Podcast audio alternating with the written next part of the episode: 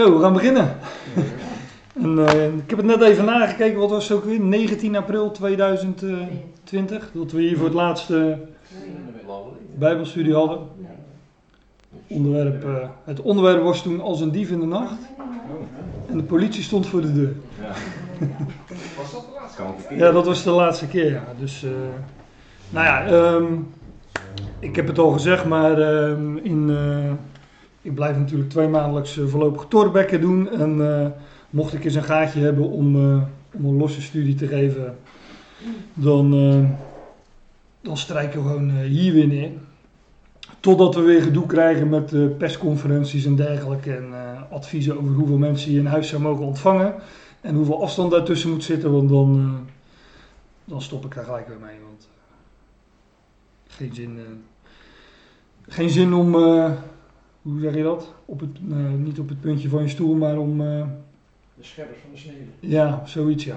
Dat je hier eh, toch niet helemaal lekker zit. Dus ik, ehm, ja, ik, ik, ik, een paar weken geleden, twee, drie weken geleden, sprak ik in Den Haag. En ehm, toen wilde ik het over dit onderwerp gaan hebben. Dus ik was daar al mee aan de slag gegaan. En eh PowerPointje was al zo goed als af. En toen stuurde iemand mij een mailtje van... joh, eh, heb jij wel eens gesproken over eh, de voetwassing uit Johannes 13? Nou, dat had ik niet, dus ik, eh, ik dook daar een beetje in. En toen dacht ik van, nou, dan ga ik het daar zondag over hebben. En toen lag dit onderwerp op de plank. Dat is wel toepasselijk, hè, met brood. en ehm, nou ja, vandaar dat ik sowieso de, de tijd, gelegenheid en de ruimte wat makkelijker had om, om deze studie te beleggen. David eet de toonbroden, of eh, David en de toonbroden. Ik had eigenlijk, eh, achteraf dacht ik van, ik had, eh, ik had het eigenlijk over Davids geheime missie moeten hebben. Dan was het wat eh, geheimzinniger geweest wellicht. Maar ehm, ja, toen had ik dit onderwerp al aangekondigd, dus dan is de geheimzinnigheid wel een beetje af natuurlijk. Maar David is hier op een geheime missie, maar daar, daar komen we nog wel op. Ik wil eerst wat meer eh, ver- vertellen over de context, want we vallen natuurlijk midden in, eh, nou, midden in het Oude Testament en midden in een Bijbelboek, 1 Samuel. En ehm, ook midden in het leven van David. En dat, ehm, ja, daar valt zoveel over te vertellen over David. Dat, eh, dat doet de Bijbel ook, tot in het Nieuw- Nieuwe Testament toe natuurlijk. Dat ehm, Petrus op de Pinksterdag vertelt dat, eh, en dan citeert hij een hele reeks psalmen. En dan zegt hij, eh, ja, dit, dan zeg ik het even in mijn eigen woorden, maar dan zegt hij, ja, dat gaat niet over David. David heeft, wist dat en die heeft vooruitgezien en die heeft gesproken over de zoon van David. Hij was een profeet, staat er zelfs bij. Zo noemt Petrus dat. Dus ehm, deze David, waar we het over gaan hebben, is in zijn woorden, maar natuurlijk ook in zijn daden. Hè, de, de, de, de plaatjes, zeg maar. Zo'n plaatje bijvoorbeeld. Maar de Bijbel staat vol met plaatjes.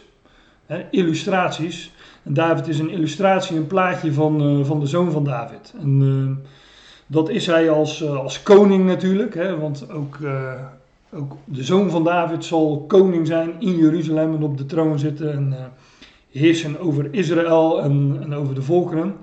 Maar dit gedeelte van het leven van David, dat, in, in dit gedeelte is hij nog geen koning. En eh, daarom wil ik, eh, ik wil eens eh, wat, wat context geven aan dit hoofdstuk. Ehm dit is 1 Samuel, het boek, het boek heet 1 Samuel. En dat gaat natuurlijk in het begin over Samuel, hè, hoe hij geboren wordt. Ook, ook een bijzondere geschiedenis trouwens.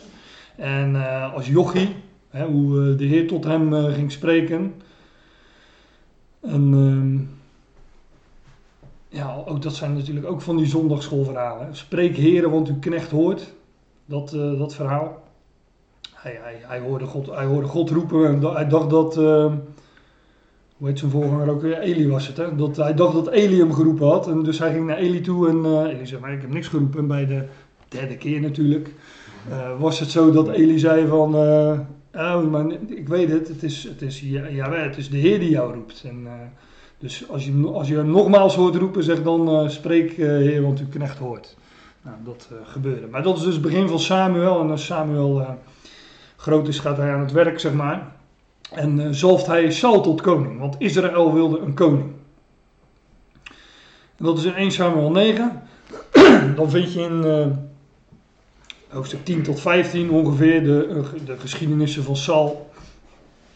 En dan in hoofdstuk 16 is het dat uh, David door Samuel tot koning wordt gezalfd.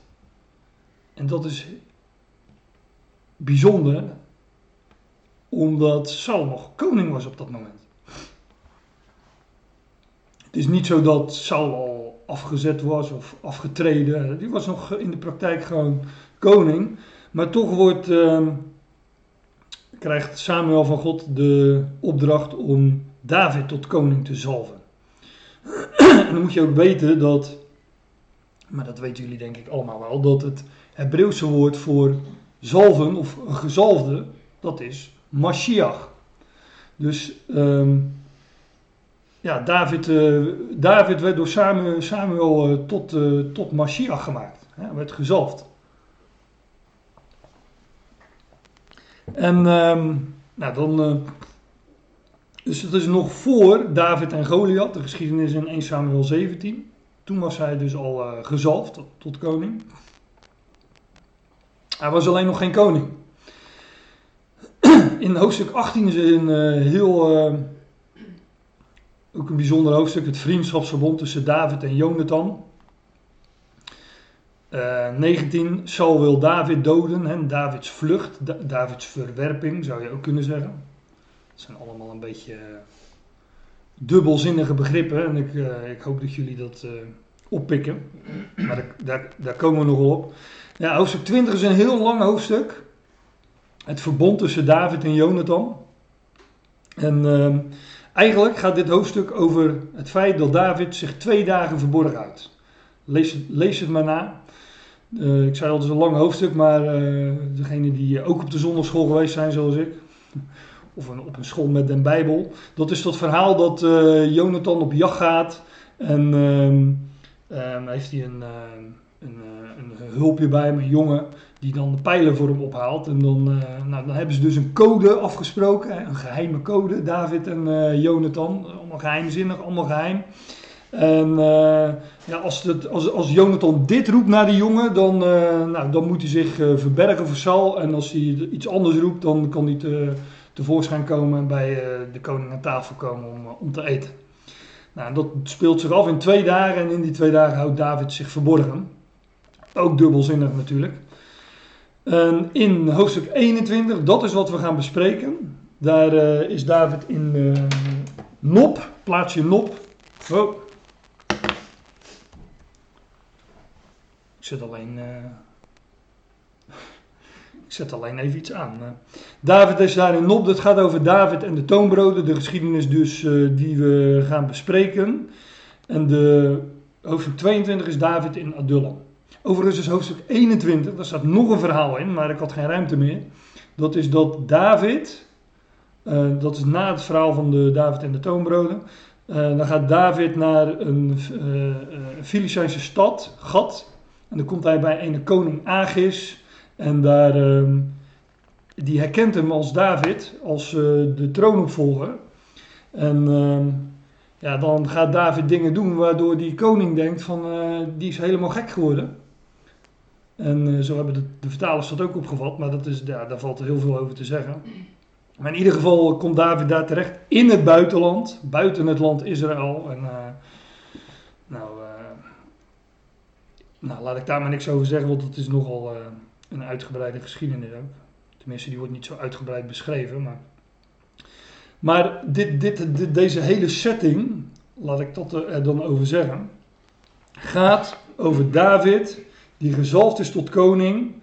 Hij is de gezalfde, de gezalfde des Heren, maar hij is nog in de praktijk geen koning. En alleen dat al is een geweldig plaatje van onze Heer Jezus Christus, die de Messias is, de gezalfde, de opgewekte. Hè, door zijn opstanding werd hij uh, de gezalfde. En waar is hij? Nou, hij is verborgen. Hij is verworpen, hij is verborgen, hij is zich aan het oog ontrokken, hij is op de vlucht zou je kunnen zeggen, in die zin. En houdt zich twee dagen verborgen. Maar dan de dagen zoals Petrus die definieert. Hè, bij de Heer is duizend jaar als één dag en, en eh, één dag als duizend jaar. Dus hij houdt zich twee dagen van duizend jaar verborgen voordat hij daadwerkelijk zijn eh, koningschap zal eh, opeisen en zal openbaren en op de troon in Jeruzalem zal gaan zitten. En ehm, ja, in die tijd leven wij, dus is het mooi om te gaan bezien wat, wat deze geschiedenis dan, eh, dan vertelt. Want deze geschiedenis van David in Nop, met David en de toonbroden, is dus ook weer een plaatje van de tijd waarin wij leven. De zoon van David is verborgen. En wat, eh, wat doet hij zoal? Nou, daar gaan we het over hebben. 1 Samuel 21, gewoon vanaf vers 1. En ehm, we nemen dat eh, gewoon vers voor vers door. Toen kwam David in Nop bij de priester Achimelech. Ja, hij kwam daar eh, voor voedsel en om Yahweh te raadplegen. Dat staat in hoofdstuk 22. En Nop, dat betekent hoogte, hoge plaats. Dus David, David is, de, is, is, is, ehm, David is gezalfd, hij is de gezalfde. Hij zal de koning zijn, maar hij is in de praktijk nog geen koning. Waar gaat hij heen? Hij gaat naar een plaats die heet hoogte of hoge plaats. En ja, ik zei, ik zei zojuist even dat ik in Den Haag gesproken heb over die geschiedenis van de voetwassing. Maar daar wordt iets soortgelijks in uitgebeeld. Want wa- waar speelt dat zich af? In een bovenzaal. Ook in een, op een hoogte, in een hoge plaats. En daar, eh, daar zorgt de Heer voor zijn intimie. Hè, degene die bij hem horen. Hij, hij, hij was daar hun, hij reinigt daar hun, eh, hun voeten. Nou, hier gaat David, als type van de zoon van David, ook naar de hoogte. Naar een hoge plaats.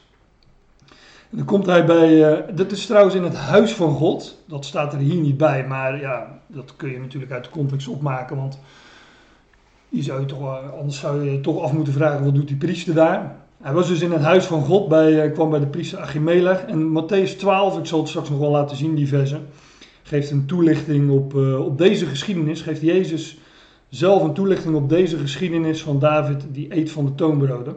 En er staat, weet, weten jullie dan niet, zegt de Heer dan tegen de fariseeën geloof ik, eh, van weten jullie dan niet dat David inging in het huis van God en daar van de toonbroden had. Nou, David komt bij de priester in Nop, eh, David kwam in Nop bij de priester Achimelech, dat betekent trouwens mijn broer is koning. Dus eigenlijk was het, misschien was het wel David's broer dan zou je zeggen, als je het letterlijk neemt. Of Saul zijn broer, dat kan ook nog. mijn broer is koning.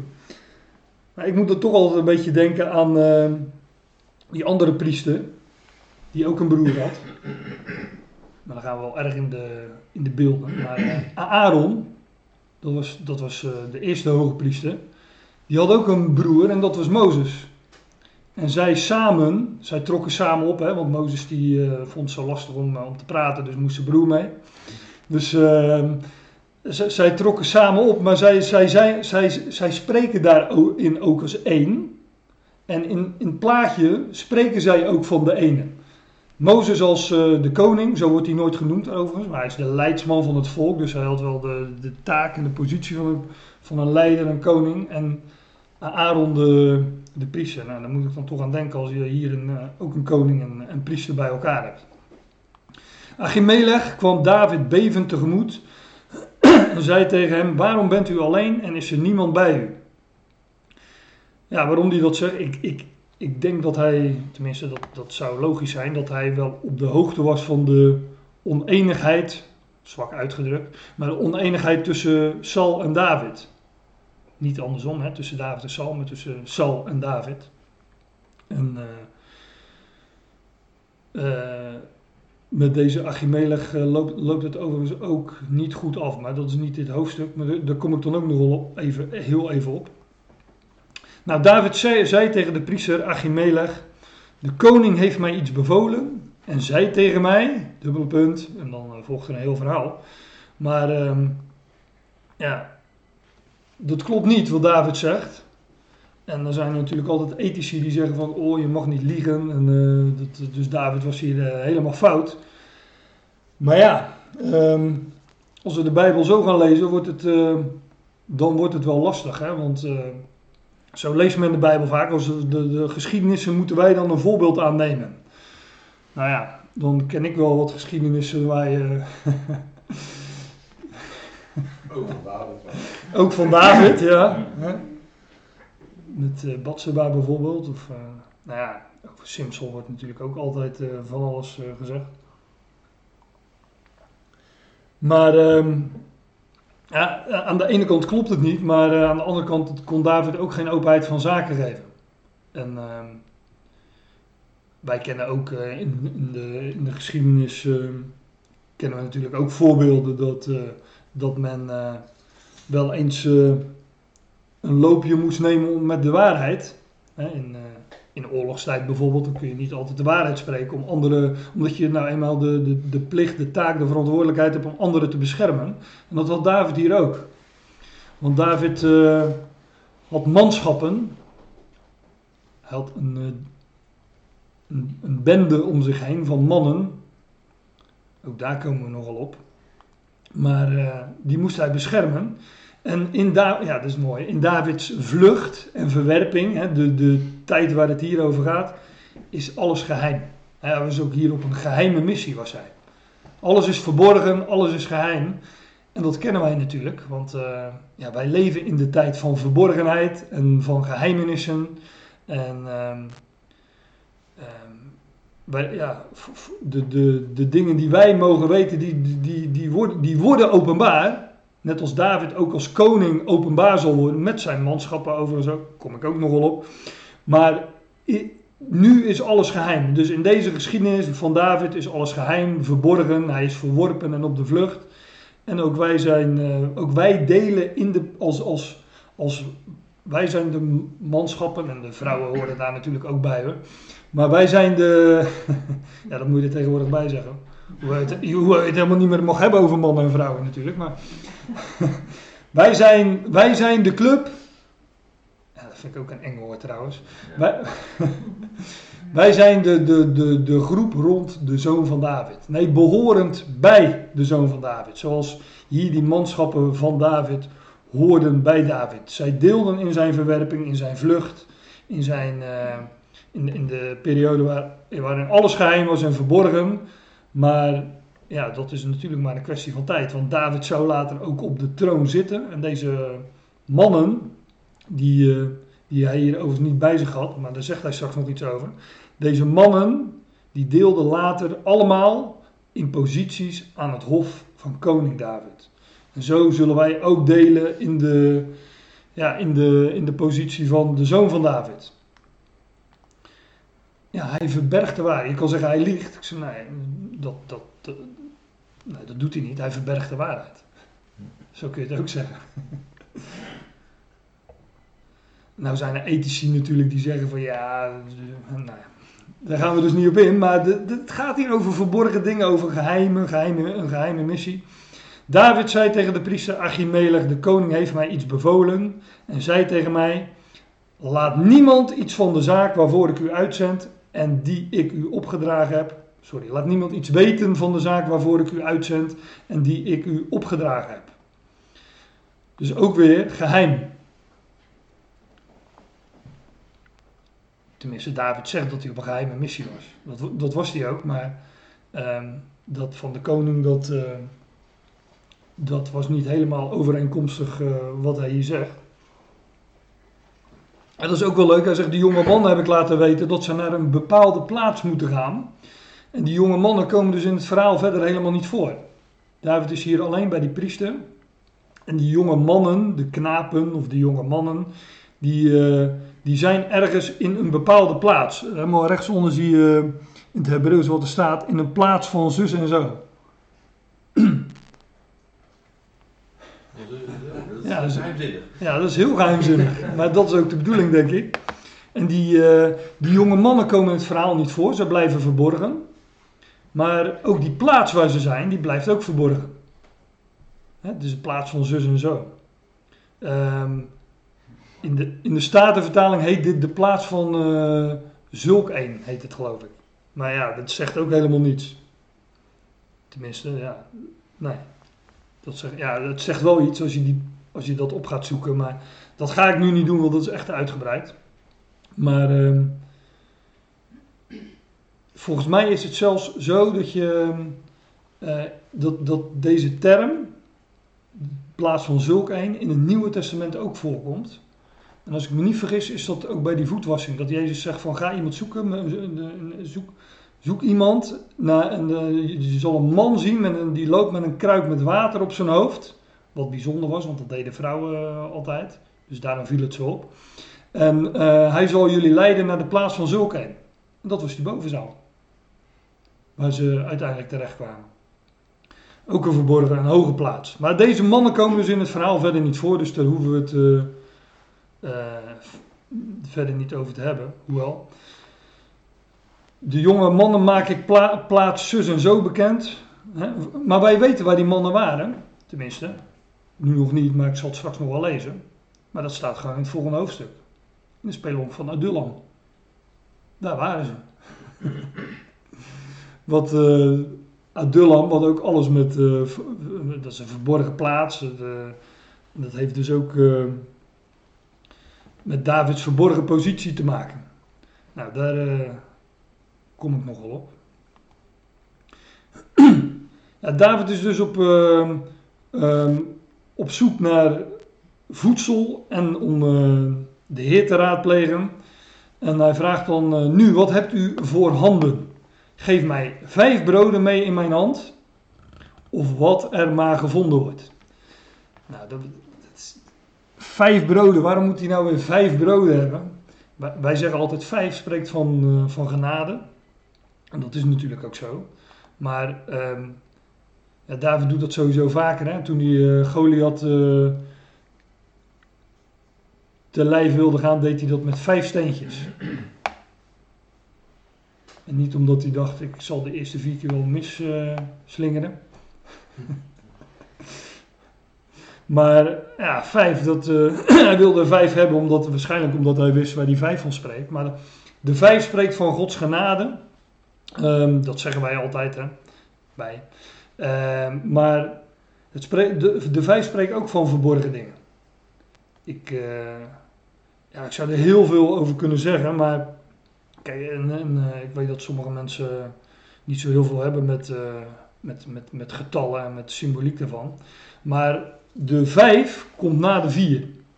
Tot zover kunnen jullie mij volgen. Dat, maar, maar de 4 is in de Bijbel, dat, dat de 4 spreekt van de zichtbare dingen. Je hebt de vier hoeken der aarde, de vier winden der aarde. Dat spreekt van aardse dingen, van zichtbare dingen. En daar voorbij daar komt de vijf. Dat spreekt van verborgen dingen, van, van niet zichtbare dingen. En dus ook van, uh, van genade. De, de, de, ik had zojuist over uh, dat wij leven in de verborgenheid. Zo wordt deze periode genoemd. Waarin Paulus geheimenissen bekend maakt. Hè, geheime dingen, verborgenheden. Maar de, deze, dit beheer wat Paulus ons toevertrouwt, heet ook het beheer of de huishouding van de genade. En uh, nou, die vijf spreekt daar in ieder geval van.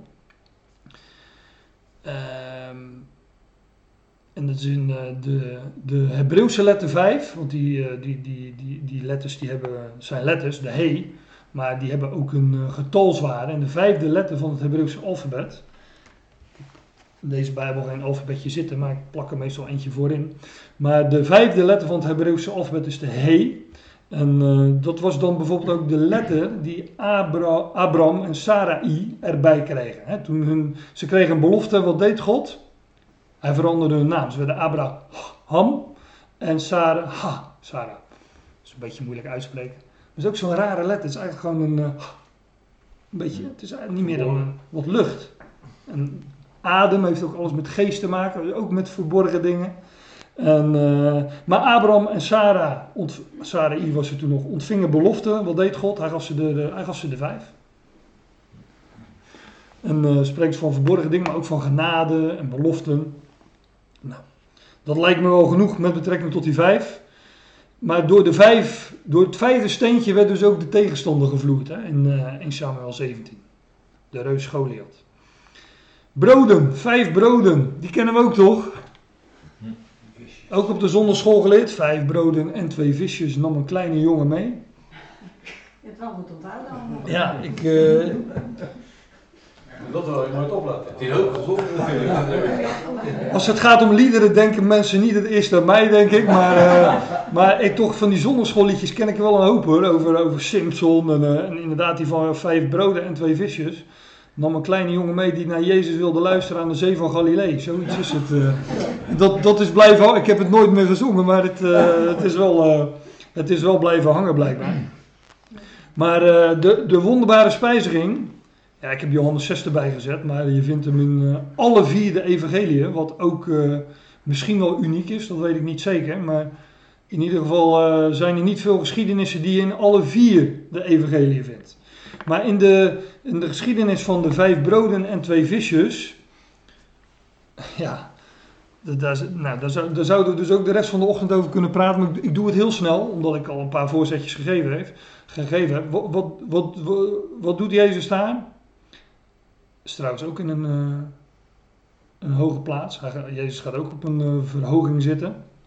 Ehm, en wat doet hij met die eh, vijf broden en twee visjes? Maar over de vissen hebben we het nu even niet. Daar zijn eh 5000 mannen. Die worden, dus ook iets met een vijf. Die worden in groepjes van 50 gezet. En vanuit een hoge plaats deelt de Heer dat brood. Het is echt, het is nou precies hetzelfde is het niet, maar het is vergelijkbaar met, met de voetwassing, met de geschiedenis die we hier vinden. Eh, en de Heer deelt het brood aan de 5000. En die 5000, dat zijn wij. Hij geeft ons brood, hij geeft ons leven, hij deelt zijn woord met ons. En ehm, eh, die hoge plaats, het, is een, eh, het speelt zich af buiten de, de, buiten de rest van het volk. En het is een plaatje van onze tijd waarin wij leven. En als, het, eh, als iedereen verzadigd is en zoveel gegeten heeft als hij kan en nodig heeft, dan blijven er twaalf manden over. Dus er is nog deze, eh, deze huishouding waarin wij leven, is een huishouding van genade. De vijf eh, is kenmerkend daarvoor. En iedereen heeft genoeg. En wat blijft er over? Nog genoeg voor de twaalf. Want die zijn hierna aan de beurt. Als God zijn de, de draad weer op gaat pakken met Israël, om het zo te noemen. Dan zullen zij ook dat brood, levende brood, want dat is, daar is natuurlijk een beeld van. De Heer Jezus Christus zelf, dan zullen zij ook dat levende brood ontvangen. Geef mij vijf broden mee in mijn hand, of wat er maar gevonden wordt. Er lagen overigens meer broden, hè? dus eh, in die, eh, eh, in die, op die tafel van de toonbroden. Want daar gaat het over, maar komen we nog op. Geef mij vijf broden mee in mijn hand- of wat er maar gevonden wordt.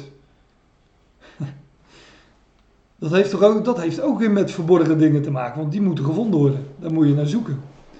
Er zitten zoveel aanwijzingen in, in zo'n in zo'n korte geschiedenis. Als je de een mist, dan heb je altijd de ander nog. Maar wat er maar gevonden wordt. Waarom zegt hij dat zo? Ja, ik denk omdat, eh, omdat het spreekt van verborgenheden. Verborgen dingen eh, worden gevonden.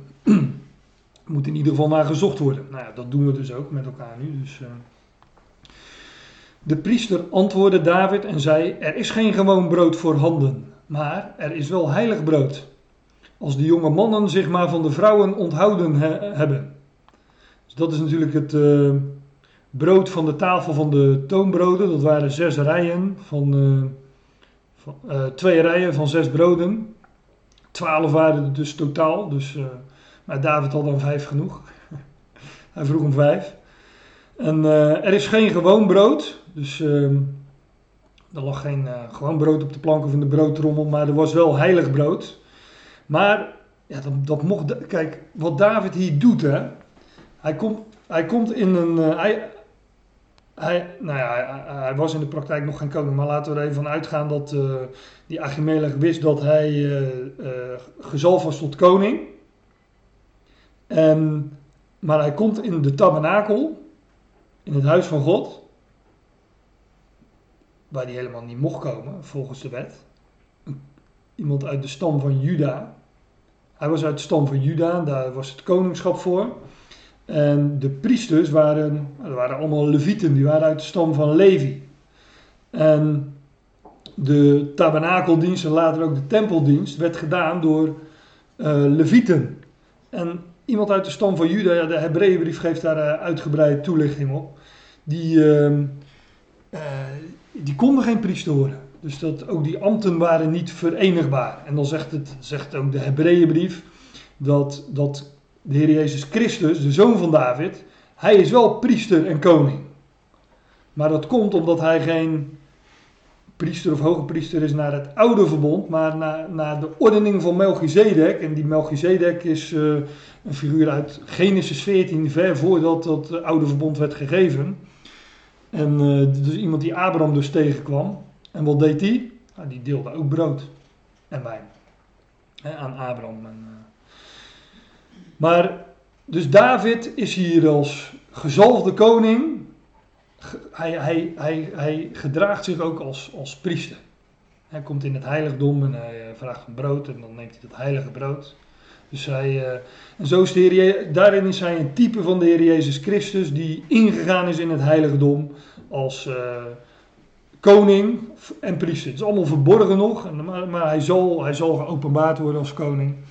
En uh, wat doet hij in die tijd? Nou, hij voorziet zijn manschappen van brood en hij reinigt hun voeten enzovoort. Er is geen gewoon brood voorhanden, maar er is wel heilig brood. Als de jonge mannen zich maar van de vrouwen onthouden hebben. Nou, dat lijkt me sowieso een goed algemeen advies. Scheelt een hoop ellende.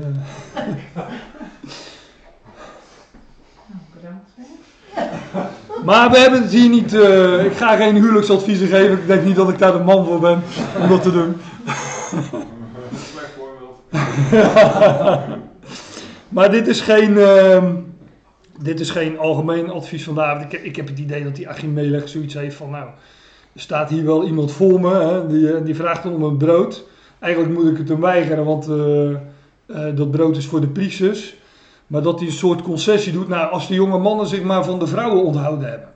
Je moest namelijk uh, rein zijn. En uh, nou, daar, hoort, hoort dan bij dat je je van de vrouwen onthouden hebt. Nou, dit brood is, uh, dat lijkt me wel duidelijk, het brood van de tafel van de toonbroden. Het brood was voor de priesters. Die, um, ja, dan staat het wordt ververst op de Sabbat. En dus werd het ook uh, opgegeten op de Sabbat. Ze aten dat op Sabbat en dan werden, werden weer nieuwe broden neergelegd. En uh, ja, dat is dus brood wat bestemd was voor de priesters. Nou, daar heb ik natuurlijk uh, al wat over gezegd. Dus uh, officieel, hè, volgens de wet, was dat niet voor David en zijn manschappen. Dit zijn die woorden uit uh, Matthäus 12. Um, waar, waar, waar, waar, tegen Jezus ook gezegd wordt dat hij, uh, hij en zijn discipelen uh, iets doen wat niet mocht volgens de wet. In die periode ging Jezus op de sabbatten door de gezaaide velden, door de akkers en zijn leerlingen, zijn discipelen hebben honger. En ze beginnen aren af te plukken en te eten. En de fariseeën zien dit en ze zeggen tegen hem, Zie, jouw leerlingen doen wat op de Sabbat niet geoorloofd is te doen. En hij zei tegen hen, hebben jullie niet gelezen wat David gedaan heeft? Toen hij en die met hem waren honger hadden. Hoe hij het huis van God binnengegaan is en zij de broden van de voorplaatsing, toonbroden noemen we dat dan, hebben gegeten. Wat niet aan hem, nog aan hen die met hem waren geoorloofd was te eten. Behalve alleen aan de priesters. En uh, Jezus geeft... Uh, Jezus geeft nog een voorbeeld uh, in deze geschiedenis. En dan, dit zijn natuurlijk dingen, dit, tenminste dit voorbeeld dan, dit is iets wat onder het oude verbond niet mag. Mocht, naar de wet. Maar, uh, en, en die discipelen mochten dus blijkbaar ook geen aren plukken op de Sabbat naar de wet. Maar, um, en, en, en, en, en dan zegt Jezus van meer dan, ja dat zegt hij wel vaker, hij zegt bijvoorbeeld meer dan Salomo is hier. Hij zegt dan, en, maar dat hele oude verbond was, um, was nabij de verdwijning, om de woorden van Hebreeën te gebruiken. En hij was degene die een nieuw verbond zou vestigen. Hij kwam als de Messias en hij zegt, uh, meer, dan, meer dan David is hier en uh, uh, meer dan Salomo is hier, enzovoort. Hij was degene waarvan het oude verbond sprak. En als David dus dingen doet die niet mogen volgens het oude verbond, dan is hij daarin een type van Christus die ook het oude verbond niet deed en eh, kwam om een, eh, om een nieuw verbond te, ja, te, te brengen, of hoe je dat dan ook eh, zegt. Daarin is David dus een type van de Heer Jezus Christus, die dus ook dingen deed die niet mochten, hè, volgens de wet. Meer dan de Sabbat is hier, zegt de Heer ook nog. Nou ja, David antwoordde de priester en zei tegen hem: Jazeker, de vrouwen zijn ons gisteren en eer- eergisteren onthouden. en dan zegt de MBG: Ja, evenals vroeger. Maar dan mis je de clue. Er staat ook weer, ook weer zo'n aanwijzing: gisteren en eergisteren. Dus dat is twee dagen, ja. Dus twee dagen zijn de vrouwen hen onthouden. Hè? Dus eh, het gaat hier ook weer om een periode van twee dagen.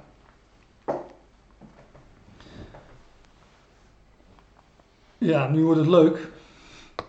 Wanneer ik erop uittrek, trek, zijn de wapens van de jonge mannen heilig. En ook al is dit een ongewijde tocht, toch is hij inderdaad heilig in de wapens. Nou, ga thuis eens eh, de vertalingen erop naslaan, die hebben hier zo moeite mee en dan, begrijp je er helemaal niets van. Misschien eh, als je, dit leest, als je dit leest begrijp je het ook nog niet hoor. Maar wapenen, wapens is in de Bijbel een heel breed begrip. Gereedschap, instrumenten, dat zijn allemaal wapens in de Bijbel. Hè. De, in, in, in, het Nieuwe Testament kom je dat ook nog tegen. Ehm, het dit wordt ook wel eens vertaald met eh, vaten.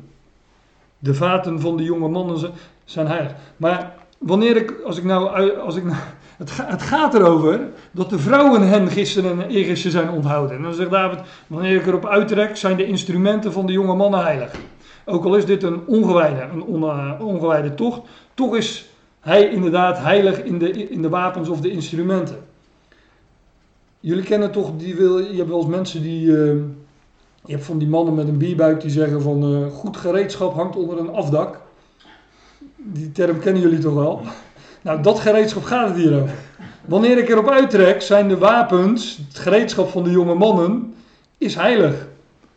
Want de vrouwen zijn hen gisteren en eergisteren onthouden. En ook al is dit een ongewijde tocht, zegt eh, David, toch is, toch zij inderdaad eh, heilig in de wapens. De instrumenten zijn heilig. De vrouwen zijn hun gisteren en eergisteren onthouden. Ik zag ook een, ik zag een vertaling die er een beetje in de buurt kwam. Die zei van ja, de, de, de vaten van de jonge mannen zijn heilig. Want het is een uh, ongewijde tocht. En hij is dus heilig in de vaten. En dan gaat het dus over het hele lichaam. Nou, vind ik ook prima. Maar het gaat in ieder geval over het lichaam. Laten we daar maar uh, op houden. Toen gaf de priester hem dat heilige brood, omdat er geen ander brood was dan de toonbroden, die van voor het aangezicht van je weggenomen worden, om een vers brood neer te leggen op de dag dat het weggenomen wordt. Ja, de dag dat het weggenomen wordt, dat zei ik net al, die toonbroden werden weggenomen op de Sabbat en dan werd er dus vers nieuw brood neergelegd. En um, ja, ik, ik heb wel eens gesproken over die, uh, die, die onderdelen, die attributen in de tabernakel. En ook over die tafel met toonbroden dus. Maar dat, dat, dat, dat, dat brood dat de priesters eten op de Sabbat, is hetzelfde brood als die twaalf korven die over zijn. Dat, dat is het brood dat Israël eet en zal eten in de toekomst.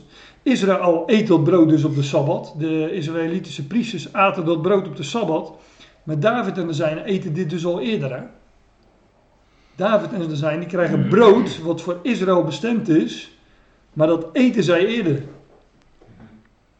En ik, ik wijk hier wel mee af met wat ik in de meeste commentaar heb gelezen. Want die zeggen allemaal dat, uh, dat, dat dit zich afspeelde op de Sabbat. Nou, ik denk dat het juist zich niet afspeelde op de Sabbat. Ik denk dat David uh, net daarvoor was. Hij was voor de Sabbat. Want de Sabbat spreekt van de zevende dag, millennium, dat, uh, uh, de duizend jaar, hè, waarin, waarin de Messias vanuit Israël zal heersen over de volkeren. En dan zal in de, inderdaad Israël een type dat brood eten, maar David en de zijnen, zij eten dat al eerder. En nou, het zal op de vijfde dag geweest zijn dan. Ja, nou, dit ik dus al. Vergelijk de vijf broden voor die vijfduizend en de twaalf mannen die over waren. Zij eten eerder van dat brood. En David zei tegen Achimelech, is hier onder uw hand geen speer of zwaard? Want zowel mijn zwaard als ook mijn andere wapens heb ik niet meegenomen, want de zaak van de koning was dringend. En wat ik hier doe, ik sla vers 7 over. Dat gaat over uh, Doeg. Er is daar een, uh, dat, wordt, dat wordt alleen maar vernoemd, uh, genoemd in hoofdstuk 21. En die Doeg is erbij. Die blijkbaar, die, die heeft in ieder geval op, gezien en opgevangen wat er gebeurde. En daar komt dan hoofdstuk 22 op terug. want die Doeg die, die verraadt David bij, bij koning Saul. Tenminste, hij verraadt die priester Achimelech bij koning Saul. En hij zegt, David kwam bij die, bij die priester en die priester heeft hem brood gegeven en, en het zwaard van Goliath enzovoort. En uh, ja, dat, dat loopt dus slecht af met die, met die priester in dat verhaal. Maar ik noem het nu even omdat, en ik sla het over omdat ik alleen deze geschiedenis bespreek en niet 1 Samuel 22 waar dus de geschiedenis van Doeg straks weer verder gaat. David zei tegen Achimelech, is hier onder uw hand geen speer of zwaard? Want zowel mijn zwaard als ook mijn andere wapens heb ik niet meegenomen. Want de zaak van de koning was dringend. Ja, dus, uh, hij zegt, er was haast bij, dus vandaar dat ik geen zwaard bij me heb. Maar ik heb wel een zwaard nodig. En uh, dan zegt de priester, het zwaard van Goliath, de Filistijn, die door u verslagen is in het eikenal. Zie, dat ligt hier. Dus daar, lag een, uh, daar was een zwaard aanwezig. En dat was het dat was het zwaard van Goliath. Wat David dus Goliath ontnomen had. Nadat hij het vijfde steentje in zijn hoofd geslingerd had. En waarmee hij uh, Goliath een kopje kleiner had gemaakt. Hè, want, maar dat zwaard heeft dus David ter hand genomen, heeft het meegenomen. Maar dat zwaard lag dus blijkbaar in die tabernakel. En ehm, het zwaard van Goliath ligt hier, maar dat, dat, dat is dus het zwaard waarmee de tegenstander verslagen was. want ook die geschiedenis is natuurlijk een illustratie, een plaatje, type van hoe de zoon van David de tegenstander verslaat. Verslagen heeft, verslaat, zal verslaan. Nou, misschien moeten we daar ook nog eens een keer over hebben. Maar uh, dat, dat, dat zwaard is dus ook een uh, embleem van de overwinning. Hè? Een trofee is het. Het zwaard van Goliath, de Filistijn. nou, de bodem is ook in zicht. Hm? Er is nog meer. Ja. Het zwaard van Goliath, de Filistijn, die door u verslagen is in het Eikendal. Zie, dat ligt hier. Het zijn allemaal toevoegingen dat je denkt van ja, waarom staat het erbij? Nou, ik weet wel waarom het erbij staat, want het, Eikendal, het, het, de Terebintendal zal de Statenvertaling van de MBG wel zeggen. Hè?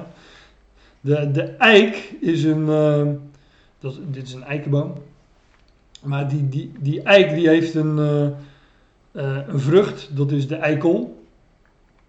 En dat heeft alles met Gods beloften te maken de Abraham, ik had het zojuist over Abraham, maar Abraham, maar ook de andere aartsvaders, die gingen wonen onder een eik of onder, bij eikenbossen. Dat is niet voor niets, want het woord voor eik in het Hebreeuws is hetzelfde woord als het woord voor eet in het Hebreeuws. Dus wanneer God een eed zweert, wanneer hij beloften doet, dan, ja, dat, die woorden zijn hetzelfde, eik en eet. Dus Abraham kreeg een, eh, een gezworen van God. Hij dacht, nou, dan, uh, dan moet ik ook maar bij zo'n boom gaan wonen. Maar onder zo'n boom uh, gaan vestigen. Of hij ging er gewoon onder zitten. Dan kun je zeggen, ja, zo'n mooie grote boom, want die geeft schaduw. Maar waarom staat er dan bij dat het onder een eikel is? Had hij net zo goed onder een, uh, nou noem het maar, een beuk of een berk of weet ik veel wat kunnen gaan zitten. Maar die eik, die heeft dus ook nog eens een vrucht, dat is de eikel. En uh, ja, dat, uh, dat lijkt ergens op. Hè? Dat lijkt uh, op, op het mannelijk geslachtsdeel. Met wat hetzelfde genoemd wordt, hè? de eikel. Maar dan de besneden versie. Maar dat, de toen Abraham de belofte gedaan werd, toen kreeg hij dus ook als, als teken en zegel daarvan, ontving hij de besnijdenis. Hij ontving de besnijdenis ehm, als, eh, als teken. En dat, dat kreeg hij toen nadat hij de belofte ontvangen had. Hè? Als, een, als een zichtbaar teken en zegel. Paulus heeft het daar ook over in uh, Romeinen 4 is het. Maar uh, ja, die, die, die eikel heeft van alles met opstanding te maken. Het vlees dat weggenomen wordt en uh, de heerlijkheid, glans die zichtbaar wordt. En daar heeft de besnijdenis mee te maken, maar ook dus die vrucht van, van die boom. Want dat is eigenlijk gewoon hetzelfde. Alleen het een zit aan de mens en het ander zit aan een boom. Wat dacht je van deze? Hè? De, de eikenhouten vaten waarin, uh, waarin uh, de wijn wordt opgeslagen in de kelder. Is ook zoiets. Waarom werd dat in, uh, in eikenhouten vaten opgeslagen? Hè? In, in eikenhout. In, in, Omdat het ook spreekt van de belofte. Hè? De, de, de druif die ver, vertrapt wordt, vertreden wordt, beeld van het lijden. En daar, door dat vertrappen en vertreden wordt die druif ontbonden schil, pit en, en sap worden, wordt ontbonden, wordt, uh, wordt uit elkaar gehaald. En dat sap wordt opgevangen. En dat komt in, in eikenhouten vaten, werd dat in de kelder gelegd. En dat is een beeld van het, van het lijden, het sterven, hè, het vertrappen, ontbinden, lijden en sterven. En de kelder is een beeld van het graf. Maar in dat graf ligt dat druivensap in eikenhouten vaten. Maar de, als je, en als je weet dat de eik een, een uitbeelding is van de belofte, tenminste dat is, dat is ook zijn naam, hè, eet, eik, dan, dan weet je dat er iets met die wijn in dat graf, in, in die kelder gaat gebeuren. Nou, en als die wijn dus uit, als die druivensap uit de kelder komt, dan is het geen druivensap meer, maar dan is het, uh, dan is het wijn. En wijn, dat is natuurlijk een beeld van nieuw leven, van, uh, van opstandingsleven, van onvergankelijk leven. Dus in die kelder ligt dat, uh, ligt, ligt dat druivensap, maar daar is al de belofte. als beeld van het graf. Ja, en iets wat zich in het graf bevindt, die, uh, daar is maar één belofte relevant. En dat is de belofte van opstanding, van nieuw leven. En daar spreekt dus die eik allemaal van. En uh, daar werd dus ook, daar, die tegenstander, die Goliath, die werd verslagen in het, uh, in het eikendal. Nou, dat zwaard dat lag dus daar. Dus dat spreekt allemaal van die dingen. Ja, zie, dat ligt hier in een kleed gewikkeld, achter de efot.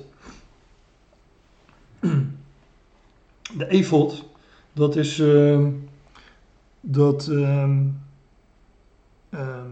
ja, de efot is de efot, hoe noem je dat? Dat is, dus dat ding wat de priester over zijn kleed aan had.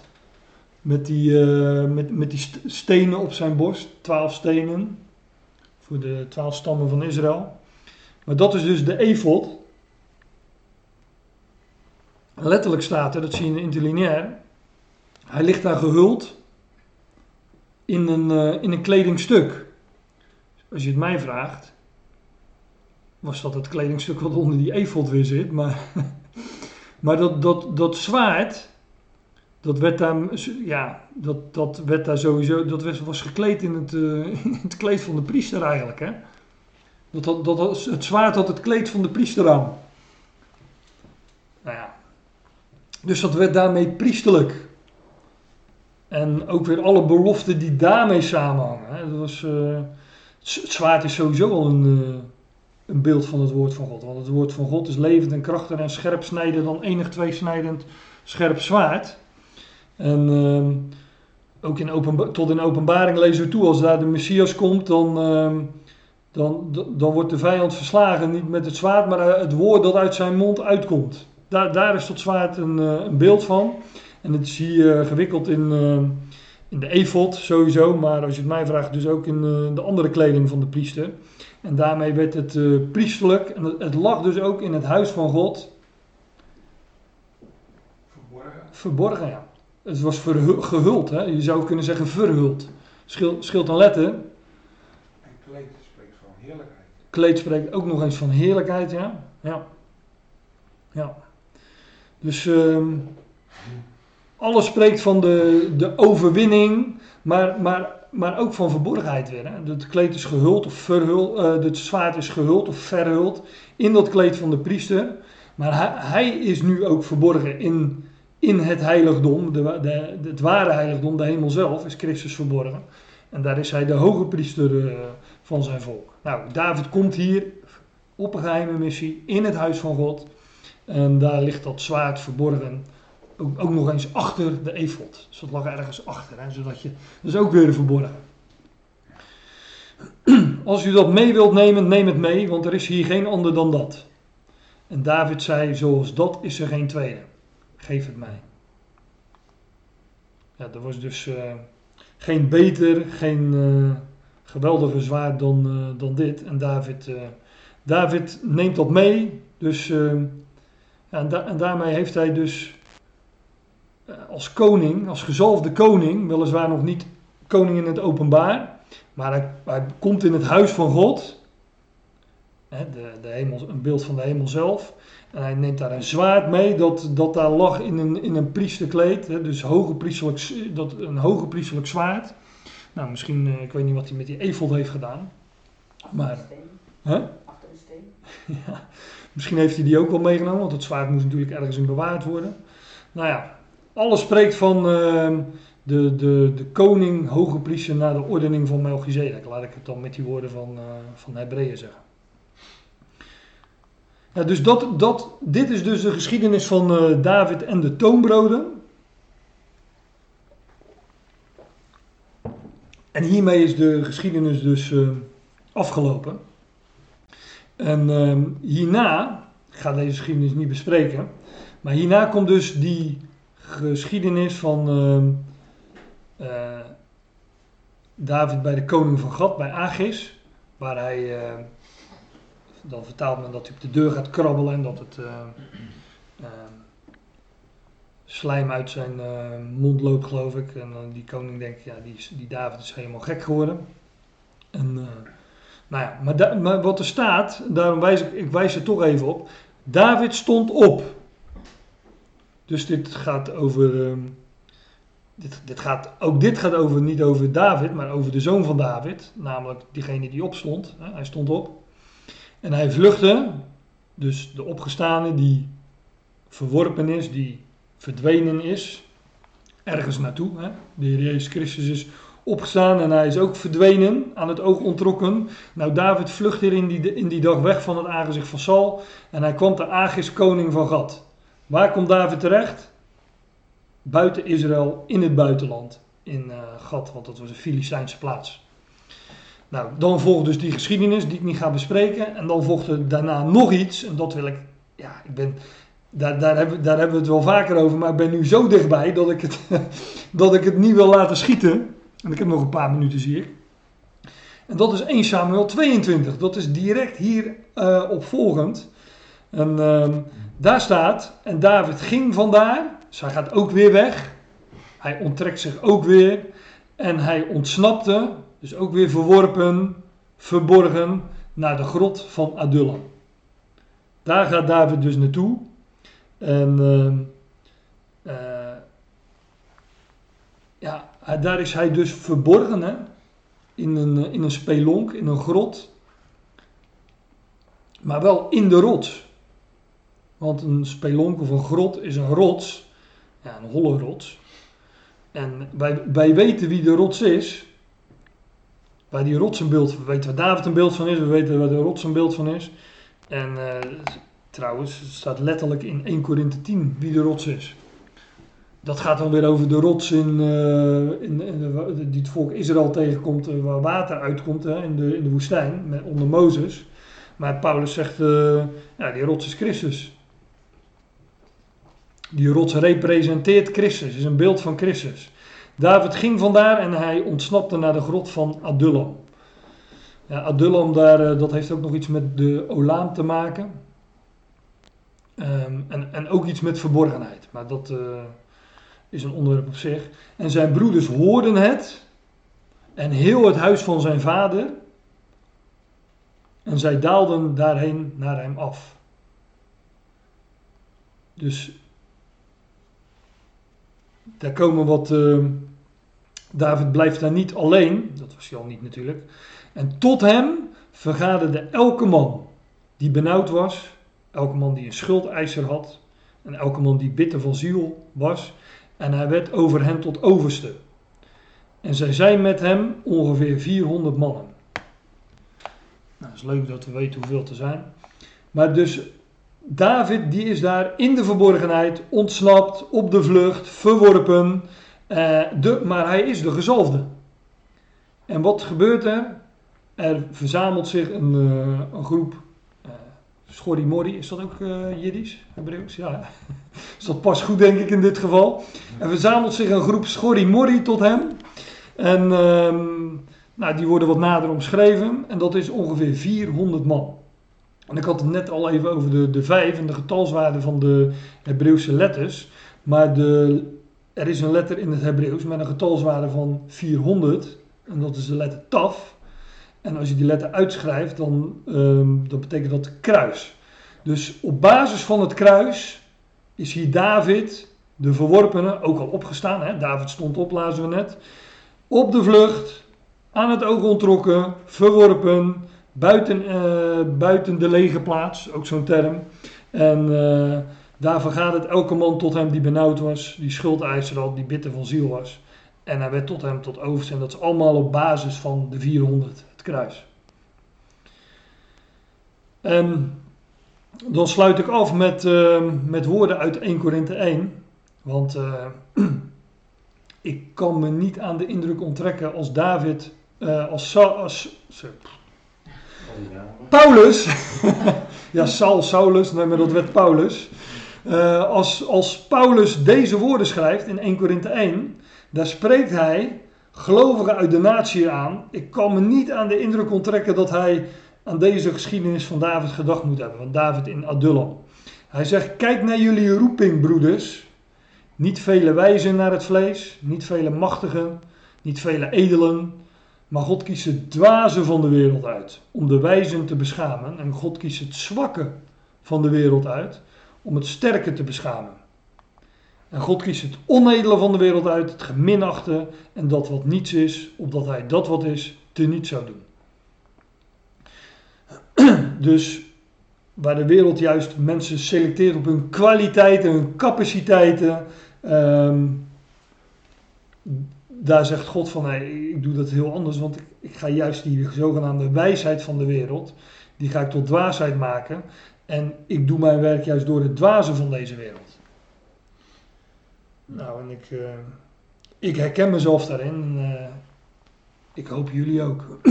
maar ik, ik zeg tegenwoordig altijd bij, um, dat ik, ik wil natuurlijk niemand beledigen er staat niet, niet vele wijzen, niet vele machtigen, niet vele edelen. Dus het kan zijn dat je, dat je wel wijs, machtig en edel bent. Dat, dat kan wel. Maar dan ben je wel de uitzondering in, uh, in, uh, in dit groepje mans, manschappen. en dat was uh, bij David dus ook. Daar verzamelde zich het, het schorimorri. En dat was dus in de verborgenheid dat dat, dat, dat dat, dat, uh, die bende zich tot David verzamelde. En dan lees je aan het einde van, ik denk dat het 2 Samuel is, maar misschien wel het einde van 1 Samuel, dat boek. Daar lees je dat, uh, het staat in mijn Bijbel boven de, de helden van David. En dan zie je dat uh, er worden een aantal van die, eh, van die lui worden genoemd bij namen en wat ze, dat ze met David hadden gedeeld in die verborgen positie op de vlucht enzovoort. En zij worden aangesteld in het koninkrijk van David als hij koning is, uh, aan het hof. Zij krijgen daar hoge posities. En dat is ook ons deel. Wij delen nu in de positie van de verworpenen. Verborgen, ons leven is met Christus verborgen in God. Maar wanneer Christus uh, geopenbaard zal worden, zullen wij met hem geopenbaard worden in heerlijkheid. En wij zullen delen in zijn positie. Alles wat aan hem beloofd is, daar delen wij in. En uh, zo wordt dat dus geïllustreerd in die geschiedenis van David. En dat is geweldig. En waarom doet God dit? Zodat geen enkel vlees zich zal beroemen voor God. En uit hem is het dat jullie in Christus Jezus zijn, die van God wijsheid voor ons werd, wijsheid voor ons werd, en rechtvaardigheid en heiliging en verlossing. Opdat het zal zijn zoals er geschreven staat, wie roemt, laat hij roemen in de Heer.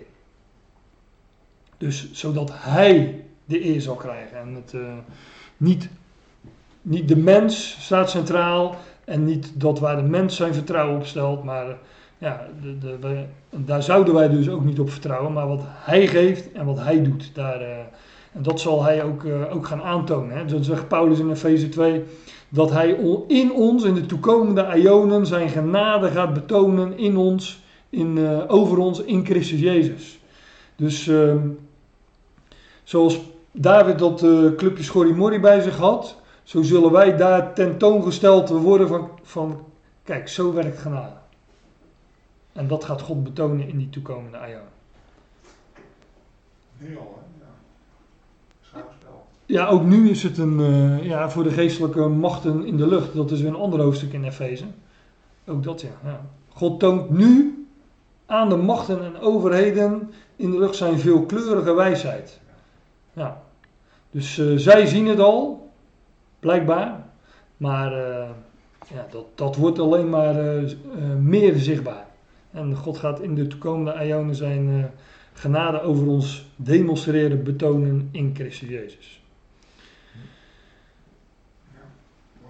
Amen. Dan maar, ja.